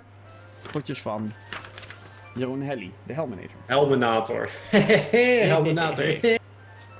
Herleef jij okay, wel eens gameervaringen, Jeroen? Lees ik als kan dat überhaupt? Vraag nummer twee. Nou ja, je denkt wel eens aan hoe episch uh, een ervaring was in een game. En dat had, heb ik wel bij de Metal Gear Solid 4 bijvoorbeeld. Daar heb ik echt zo'n moment gehad, ik echt had zo van, wow, dit is zo epic. En daar hoop je dan nog wel eens op in de toekomst. Ja. En als ik kijk naar multiplayer dingen, als ik kijk bijvoorbeeld naar hoe bepaalde lauwe teamplays zijn met Heroes of the Storm, die blijf je ook wel soort van bij. Blijf je ook wel onthouden, want dat was echt vet samen. Ja, maar voor ja. de rest, ja, en je kan, je kan ervaringen omtrent games. Bijvoorbeeld dat ik vroeger, toen ik wat jonger was, een game wilde kopen voor de PlayStation 2. Een van mijn favoriete games die ik ooit op Demodisc heb gehad. Die vond ik eindelijk in de winkel voor 20 euro. Mocht ik hem niet kopen van mijn moeder. Ja, nee, die game loopt niet weg. Die game loopt niet weg. Een week later was die game gewoon nergens meer te verkrijgen. Dus dat kan ook, hè? Als ik het heb over herleven, dan denk ik snel aan iets opnieuw spelen. En dat kan dan natuurlijk. Dat je zoiets van, oh shit, dit, dit is nog steeds vet. Dat heb ik met Doom heb ik dat heel erg. Ik zit zo van, oh ja, deze game is nog steeds fucking goed. Maar echt het herleven van een ervaring is natuurlijk wel... Zijn er, zijn er niet heel veel, nee. Maar ben jij meer bezig met, goh, wat, wat wil ik nog spelen wat ik vroeger ook heb gespeeld? Of, hè, weet je wel, dat? Nou of ja, ben je meer bezig met, wat gaat... heel erg. Ah. Donkey Kong Country, daar heb ik dat heel erg mee. Oh. Die game die, die, die speel ik ook wel vaker. Heb je ook die heb ik als van... Tropical Freeze, heb je die al gespeeld op de Switch? Nee, nee, nog niet. Nog niet. Zo, dat is te gek. Die moet wel. Ja, die moet echt eh, eraan gaan komen. Ja. Ja, dat Maar is... stiekem hoop ik ook dat die game die voor de Wii toen uit was gekomen, die Country Returns, die was wat minder, maar die wil ik eigenlijk ook wel op de Switch, dat ik die ook erbij kan hebben. Dat al die, laten zeggen, side-scroller games die een beetje in de main line zitten, dat ik die gespeeld heb. Ja, Tropical Freeze is wel echt te gek. Ja, dat had ik al begrepen. Ja. Roeland die mailt naar podcast.gaminggeeks.nl. Ik vroeg me af wat jullie mening over de Godzilla films en de games is.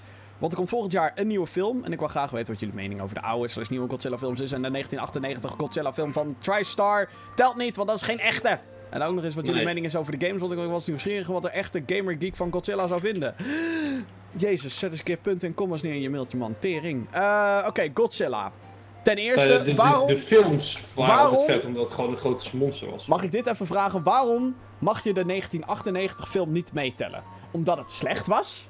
Omdat, het, althans dat vinden heel veel mensen. Ik vind het eigenlijk wel meevallen. Ik vind het een lekkere cheesy jaren 90 actiefilm over een Het is gewoon die grote... Amerikaanse Godzilla, toch? Ja, dat is die Amerikaanse. En mensen vinden, Ja, het, precies. mensen vinden het geen echte Godzilla-film, omdat Godzilla daar ehm, niet de powers heeft van Godzilla. En eigenlijk gewoon meer een grote T-Rex is dan, een, dan Godzilla. En oké, in die zin snap ik het wel. En in die zin is het een beetje een episode 1 verhaal van wat de fuck heb je gedaan. Maar de film heet Godzilla. Het waren de rechten van Godzilla. Het is een Godzilla. Het is een Godzilla-film. Of je het nou wilt of niet. Net zoals dat fucking Star Wars Episode 1 is een Star Wars film. Of je het nou wilt of niet. Het is een Star Wars film. Hoe slecht het ook is. Maar ja, ik vind het dus eigenlijk best wel een cheesy film. Ik heb die Japanse shit allemaal, die eh, jaren 50, 60, 70, 80, 90, allemaal niet gezien. Ik vond de 2014 versie te gek. Die vond ik fantastisch. Met Bryan Cranston, die helaas veel te snel uit die film verdwijnt. Na een half uur of zo, ik had zoiets van... "Ha- Hou die man in je hele film, want die guy is zo fucking goed. Bryan Cranston ook wel bekend voor zijn rol in ehm, eh, eh, Breaking Bad. Walter White. Super goede acteur. ik had wel meer van die film verwacht, hoor. Ja, het was wel, was wel een beetje cheesy, maar eh, er komt nu dus een nieuwe. Heb je die trailer gezien? Die is fucking lauw. Holy fuck. Ten eerste, Millie Bobby Brown uit Stranger Things, 11. Wat een fucking goede keuze. Charles Dance uit Game of Thrones. eh, A.k.a. eh, Tywin Lannister. Die ook zegt, long live the king. Fucking gruwelijk. Al die monsters. Holy fuck. fucking gruwelijk. Die special effects. Wow. Ja, de- die tweede film wordt fucking epic. En weet je wat nog fucking epicer is? We hebben natuurlijk een paar jaar geleden Kong Skull Island gehad. Na deze film wordt het Godzilla vs. King Kong. Holy fucking shit. Oh shit, dat zou echt heel vet zijn. Maar ook als ze het goed doen, hè. Ze moeten het wel goed doen. En ja, de games zijn er... Ik weet dat er nog een God... fucking slechte Godzilla game was op de PlayStation 4. Een paar jaar geleden. Daar heeft Angry Joe, eh, groot fan ben ik daarvan, volgens mij heb ik die wel gezien, inderdaad. had een fucking grappige review daarvan gemaakt. Want die game was gewoon super slecht. Ik weet dat er op de Wii en zo waren er nog wel een paar van die Godzilla fighting games. Maar het is gewoon heel lastig om grote monsters die tegen elkaar vechten goed te laten besturen op de een of andere manier. Want je wil wel dat hele massieve wil je in de gameplay brengen. Dat boom, boom. Maar als je dan op een knop drukt, dan is het vaak... Ik doe nu een animatie van een punch. En dat duurt dan fucking lang. En dan... Dat. Lijkt mij. Lijkt mij althans de grootste uitdaging om... Ik heb nog nooit een Godzilla Om het een beetje dat gewicht toch mee te geven. In Ja, een... maar het nog wel op de een of andere manier vloeiend te laten voelen. Ja, veel succes. Overigens, by the way, de Godzilla, of moet ik zeggen, Mecha Godzilla cameo in Ready Player One. Oh, Ja, die was lauw, die was lauw. Maar ik vond die Gundam daarin ook super vet. ja, fuck, fucking epic. Maar dat is mijn dingetje. Mark die mailt. Beste geeks, ik heb vorige week Rayman Legends gehaald voor de Switch. Mijn verwachtingen lagen erg laag, maar hij is verrassend leuk. Hebben jullie deze game ooit gespeeld en wat vonden jullie ervan? Eh, ik heb Legends, heb ik de demo van gespeeld op de Switch. Vond ik echt super vet. En ik heb hem volgens mij ook al een keer eerder gespeeld. Maar waar was die toen uitgekomen? Was het bij iemand op de Wii zo? Ik weet niet. Maar ik heb hem wel eens eerder voorbij zien komen. En ik vind het gewoon game. Rayman heeft me altijd wel aangetrokken. Ja, ik heb Legends nooit gespeeld. Eh, de voorganger daarvan, Origins wel. Die vond ik wel geinig. Alleen ik vind wel dat ze gewoon een keer een echte... Weet je, de Rayman Legends en Origins gaan een beetje om ehm, het speedrunnen van zo'n level. Van je moet er gewoon in één keer doorheen. Weet je, aan een soort ritme. En zeker Legends heeft heel veel van die muzikale levels. Ehm, en als, als je dat ritme verstoort, dan merk je ook meteen dat de flow... Althans, dat had ik bij Origins heel erg. En als ik dan, dan naar Legends kijk, dan zie ik een beetje hetzelfde. Eh, als je eenmaal zeg maar stopt en oh shit, ik wil een item pakken, dan is het hele ritme van dat level is verstoord. Ja, precies. En ik heb dan liever gewoon zo'n Rayman 2 of 3 of 1.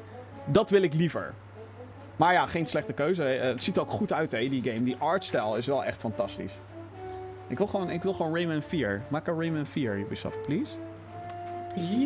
Eh, heeft een van jullie Gamer Geeks wel eens de Paradox Games gespeeld? Vraagt Daniel. Bijvoorbeeld Europa, eh, Europa Universalis 4 of Hearts of Iron 4. Zo ja, wat denken jullie ervan? Ik niet. Ik vind die games te ingewikkeld. Het spreekt me ook totaal niet aan. Maar dat, ja, dat, dat ben ik. Hoe heette die games? Eh, Europa, de, de Paradox Games. Dat is een uitgever, Paradox. Vooral dat Europa Universalis 4 is echt wel heel... Onder die doelgroep heel populair. Kijk, Hmm. of Paradox... eh, ja, hoe ga je dat... Hoe ga je dat... Nee, ik heb die games... eh, nee, nee. Nee. nee, Nee. gewoon- nee, nee, nee. Nee, Het zijn ook vaak van die 4X-achtige games, geloof ik. Volgens mij noemen ze het ook Deep Strategy of. Of nee, Grand Strategy noemen ze het. Ja, nee, dat gaat voor mij te ver. Ja, geef mij dan gewoon lekker een StarCraft of een eh, Warcraft of een Age of Empires of zo. Vind ik een stuk leuker. Oh shit, ik heb juist een mailtje weggegooid, dat is niet handig. Uh-oh. even kijken. Maar, volgens mij was de vraag van Dilly... Oh, wacht, hier, verwijder de items. Haha, zet terug. Lang leven mailboxes waar je gewoon mailtjes terug kan zetten. Kijk, hier. Eh, Oké. Eh, eh, Dylan is het. Die vraagt: Wat is je favoriete oldschool game die nu nog wel decent is? De mazzel. Mijn favoriete oldschool game die nu nog wel decent is, dat Doom. zouden dan... Doom. Ja, ik vind- eh, eh, hoe oldschool is oldschool? Ja, wat je zelf oldschool vindt. Kijk, PlayStation 2 en PlayStation 3 eigenlijk ergens ook wel. Ja, ik Bioshock. vind PlayStation 2 wel... eh, wel, wel Dat is wel echt oldschool. Bioshock PlayStation 2. Is dat- Bioshock? is nog die, ja, die is al 10 jaar oud, hè? Dus, eh, 10 jaar? Oh, ik voel me oud worden, man. Ja, Doe 2007. Dat soort dingen zeggen. Niet zeggen hoe lang... Half-Life 2 is nog die. Ah, mijn hart. Nee, maar... eh, I feel old. Ik vind, ik vind de Metal Gear Solid 2 die vind ik heel vet. Mhm. En die zijn PlayStation 2-era. Begin PlayStation 2 en eind PlayStation 2. Dus die, eh, die kan er nog zeker wel spelen. En daar hebben ze ook een remaster van, dus in principe kan dat ook nog. Metroid Prime. Eh, welke game was... Op PlayStation 1 vind ik eh, eh, Future Cop LAPD nog steeds helemaal geniaal. Ehm, Crash Bandicoot games. Maar goed, er is nu natuurlijk Ja, een remaster ja, van, ja. dus dat telt misschien niet. Eh. poeh. Ehm, jeetje, wat een vraag ook. Kijk, ik hou er zelf heel erg van om oldschool shooters nog, meer nog te spelen. Shadow Warrior is fantastisch. Duke Nukem 3D is nog steeds fantastisch. Ja, je bent sowieso echt van die 90s shooters. Ja, Ja, ja, van die oude echt- 90s Dat shooters. is echt verschrikkelijk. Ehm wat nog meer oldschool games die nu nog decent zijn. Diablo 2. Ja, dat weet ik dus niet. Ik denk dat als jij niet, niet, niet die game vroeger hebt gespeeld, dat, dat je daar heel lastig in gaat komen, denk ik. Ja, je kan er misschien lastig inkomen, maar qua stijl, qua artstijl, Ja, is het nee, best dat- te doen. Ja, zeker. Diablo 2 is mooier dan deel 3 qua artstijl. Precies. Ik denk dat F-Zero is ook wel een goeie. En ehm de, Ja, de Donkey Kong games, Donkey de Kong. County games. De, ja, de oude Mario games, behalve misschien, en dit is natuurlijk heel erg slecht om dit te zeggen, maar Super Mario 64 is toch wel een beetje lastig om nu nog Ja, qua grafisch inderdaad. Als je kijkt naar de, de stijl van de, de sidescrollers van Super Mario Bros. 1, 2, 3, Ja. die zijn veel makkelijker nog te spelen dan een 64 inderdaad. Eh, ja, ik denk dat we de... Ja, Street Fighter 2 blijft heel goed, maar... Het is natuurlijk... Je moet alles wel een beetje in context kunnen zien, denk ik, als je oudere games gaat spelen. Je moet zeg maar dan bedenken, oké, het is het jaar 19XX. En dit is wat er toen mogelijk was en wat toen hip was en cool was. Vroeger, nee, de games nog nou... Eh, ik denk dat heel veel mensen nog zullen roepen Star Wars Jedi Knight 2. Gewoon een, een Star Wars game. Eh, Rogue Squadron is goed, hé. By the way. Nog steeds een vette game. Nou, Uh, Rogue Squadron die was wel vet inderdaad. Nu, zo, nu je daarover begint. Die heb ik toen ooit op de 64 gespeeld. Super Smash Bros. Melee. Nog steeds goed. maar ja, daar komt nu natuurlijk ook een nieuwe van, dus op zich. Maar de originele eh, Super Smash was ook gewoon nog steeds heel... Gewoon echt als de OG wil gaan spelen bij, met vrienden is ook super lauw. Eh, even kijken. Bram die vraagt: wat is een goede beginnerscamera voor onder de 500 euro? Jeetje, wat een technische vraag. dat is echt een vraag die je niet zo 1, 2, duim eh, kan zuigen eh, te beantwoorden. Nee, dat. eh, Kijk hoe snel ik ben. Met een camera onder de 500 euro. God. een GoPro. Maar ja, dan heb je natuurlijk ook de vraag: wil je spiegelreflex? Wil je geen spiegelreflex? Wil je een schermpje wat je om kan draaien? Wil je dat niet? Oh, zijn oh, oh, oh, Beginners vlogcamera onder de. Ja, dag, dat weet ik niet. We zijn toch geen vloggers, jongens? Nee, dat zijn we niet. Geen Onder de. Ga, ga kijken bij de Canon's Powershots en de Sony Cybershots. Daar hebben ze vast wel iets leuks tussen zitten. Ik zou gewoon naar, Mediamarkt, eh, naar in een Mediamarkt lopen en dan vragen: Yo, ik, ik word de nieuwe Enzo Knol. Wat, eh Wat moet ik hebben? wat moet ik hebben? Eh, even kijken, ik zie nog een vraag voorbij komen. Hoezo was Forces zo'n drama? Nou, eh, heb je naar die graphics gekeken van die game? Sonic Forces hebben we het dan over. Eh, dat was een drama. Eh, de game schijnt me echt maar twee uur lang te zijn of zo. Drama. De voice acting, drama. Het was, eh, het is gewoon een fucking drama. Jongens. Gewoon een fucking drama. Ja. Ik ga even kijken of ik iets nog naar je toe kan sturen wat ik net binnenkrijg. Oh, ja, kom maar. misschien, misschien, misschien heb jij het ook al gezien op je Twitter. Ik weet niet of je daar Op nu op zit. Twitter? Ja, moet je maar kijken. Er heeft iemand gereageerd op een tweet van jou. Eh, Ik ga hem gewoon even in je... In je, in je hij is nu naar je gestuurd. ik heb hetzelfde met noedels als met Godzilla. Eigenlijk vind ik alle noedels goor. Maar pasta carbonara noedels, wat eigenlijk geen echte noedels zijn, vind ik het lekkerst. Zo ook 1998 Godzilla. Voor mij de beste Godzilla, omdat het dus niet zo Godzilla is. dat zegt Albert op Twitter, ja. Ja. Kan er ook maar weer één zijn die zo'n antwoord stuurt, hè? Ja, nou weet je, het is, wel, het, is wel, het is wel waar wat hij daar zegt, inderdaad. Want als je iets leuk vindt, omdat het gewoon, jij ziet dat als. Net zoals bij mij, net zoals heel veel westerse mensen. Voor hun is Godzilla 1998, de Amerikaanse. Voor hun is dat de eerste Godzilla. Die ze echt volledig gezien hebben. Voor mij ook. Ik dacht, oké, Ja. Godzilla. En natuurlijk, later heb ik geleerd over de jaren 50 en de jaren 60. En dat hij eerder gevochten heeft tegen een Japanse versie van King Kong. Die helemaal niet lijkt op de King Kong die wij hebben gemaakt. Of nou, wij, de Amerikanen hebben gemaakt. En, en ik probeer nu heel erg het onderscheid te maken tussen Japan en de rest van de wereld. Hun en wij. Ehm, ja, eh, eh, maar ik ben ook niet iemand. Ik ben wel heel erg geïnteresseerd in de ges- geschiedenis van die film. Sterker nog, de gast die eh, op het internet beter bekend staat als de Angry Video Game Nerd.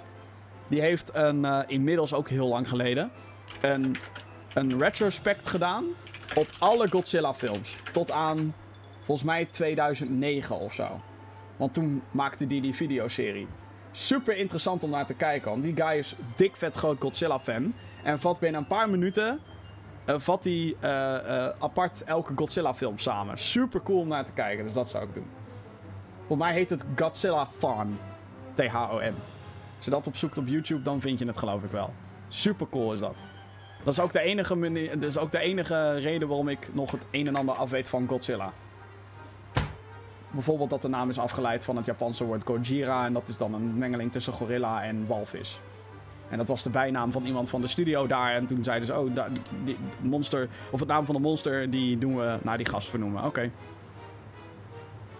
Dat. Oh, oh ja, dat een goede manier om een naam te verzinnen. Dat Ja. heeft En, dan- en, en, in de Amerikaanse film weet ik nog heel erg dat zo'n Japanse dude dan zegt Gojira, Gojira. En dan zegt zo'n nieuwsreporter Godzilla. En dan zit, die, zit zo'n chick, It's Gojira, you moron! Stelletje puristen, gekke werk. Oké, eh, ja, bedankt voor alle mailtjes. Mocht je dus vragen hebben voor de show van aankomende week. Ik zou zeggen mail naar podcast.gamergeeks.nl, want daar kan je alles kwijt.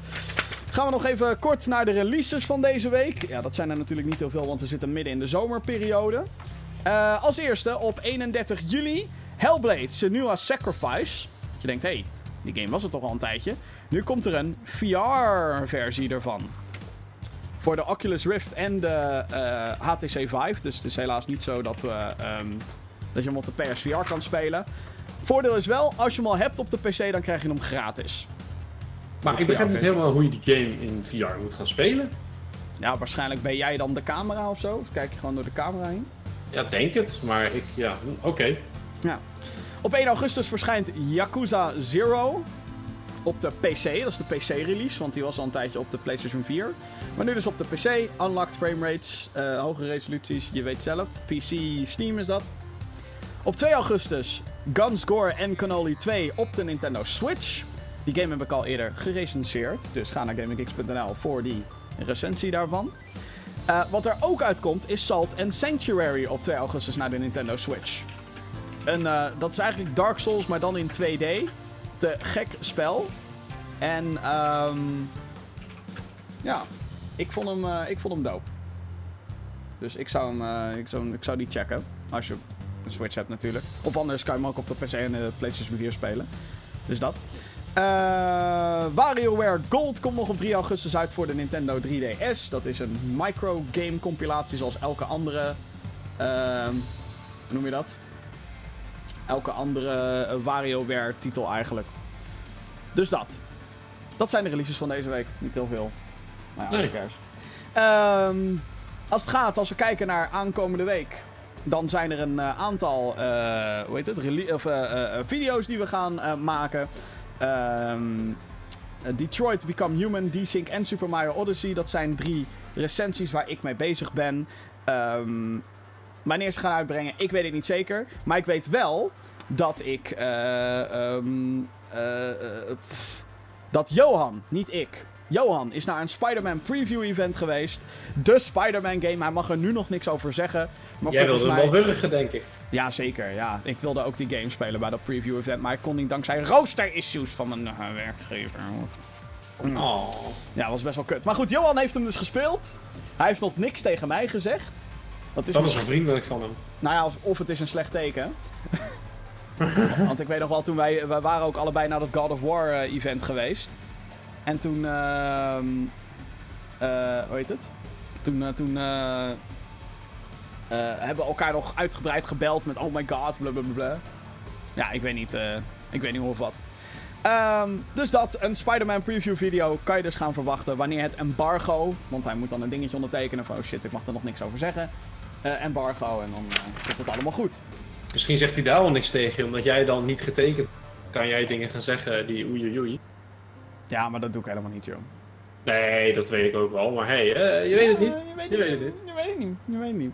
Oké, ehm, ja, dat was eh, deze aflevering van de Gaming Geeks podcast. Aflevering nummer 46, opgenomen op 29 juli 2018. Vergeet natuurlijk niet te abonneren op ons YouTube kanaal. Dat is youtube.com slash gamergeeksnl. En als je dat doet, je klikt op subscribe, klik dan ook op het belletje. Want anders heb je helemaal niet door wanneer de volgende podcast of de volgende video in videovorm, whatever, wanneer dat online staat. Dus belletje, even klikken. Uh, Twitter kan je ons opvolgen, at GamerGeeksNL. Dan weet je ook meteen wanneer we live gaan op Twitch en YouTube voor eventuele livestreams. Instagram, GamerGeeksNL en uh, nou ja, Twitch dus. Uh, abonneer, follow. GamerGeeks Live zijn we op Twitch. Deze podcast is dus te zien op YouTube, maar ook uh, te beluisteren op uh, Google Podcasts, Apple Podcasts, Spotify en natuurlijk op gamergeeks.nl. Dames en heren, thanks voor luisteren. Dan wel kijken naar deze aflevering van de GamerGeeks podcast en tot de volgende. Doei!